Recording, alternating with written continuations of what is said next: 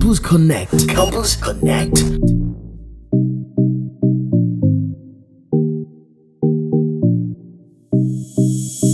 Campus Connect. Campus Connect.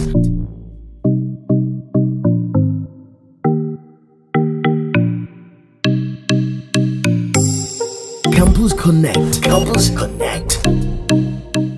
Right, so Charlie, this is where you can get all the waviest joint on campus. This is where we discuss everything campus. I mean, we are your campus linksters. I mean, if you followed us on radio back uh, then, Radio One, I mean, you know how we do it. Violence King. This is me. So, um, I mean, you are going to get everything wavy, fun, and the juiciest on campus. You know how I do it, man.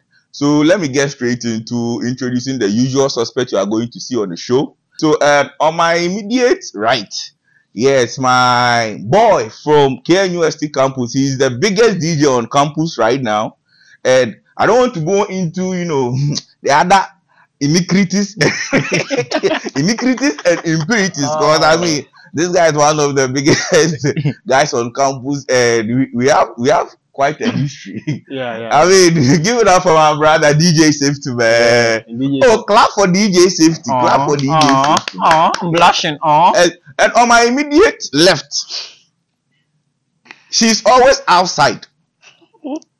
She is always outside. If you go to parties in Kumasi, you know her. I don't want to get into, you know, some of the details because today I'm trying to be a bit calm and, you know, prim and proper because they call me violence, Nyami. So today I don't- want to be violent. You bab. Uh, so I'll just go straight into her name. She's called Soft Life Bridget, but I call her Diva. The Diva Tuesdays. oh, give it up for Diva, man. Give it up for Diva. Give it up And the for other Diva. name. Uh, the, which name? The other name. Come on, you just have to comport yourself here. come on. Oh, please, please relax. Tell him to comport you don't have to start the violence right now. So on my far right, he's my two eyes. Green. I mean, if you follow, if you used to follow us on radio, I mean, you know how we do it. Aching. He's my two Oh. IC. There's never been a campus we've been to where you know they get girls. We fit enter some girls a room there, no one girl for give them. Why they spoil the market? Oh, relax. Let me do the introduction. Right, you start to spoil the market. do the introduction. I mean, any campus we go, he's the darling boy. She comes on side. I want to mention. I the be name. She he, I know be she. I beg. I beg. Relax. I beg. LGBTQ. I beg. I beg. Wow, Charlie, I This is beg. a typical transgender I boy. beg. I mean, he has the sexiest eyes, So babe. undergoing the Yes. procedures of and, becoming a girl. and one of the sexiest bodies I've ever seen. Uh-huh. I mean, give it up for Percy Wade, Ah. man. Give it up for Percy Ah. Wade. So uh, I think there's been a lot going on on campus, but today we're going to dive down into um, the recent happenings. I think last week, um, this is a personal one because Diva is, uh, I think, related to the girl or very close to the girl.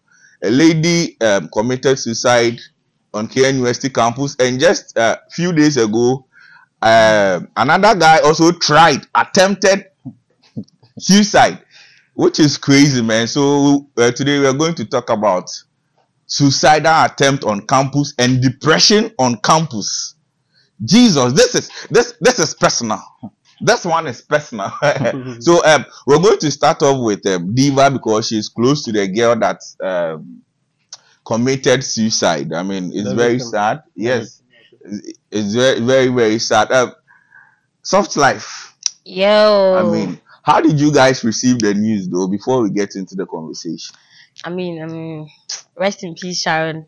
And please. we talk- actually talk- didn't know. We actually didn't know what happened. We just we just heard she was dead actually, Mm. and she didn't leave any notes stating what made her do that to herself. But according to sources that we heard after her death, people said she had conversations with them, telling them she felt her death is near and other stuff. But as to what really triggered that death and that Tuesday, we really don't know.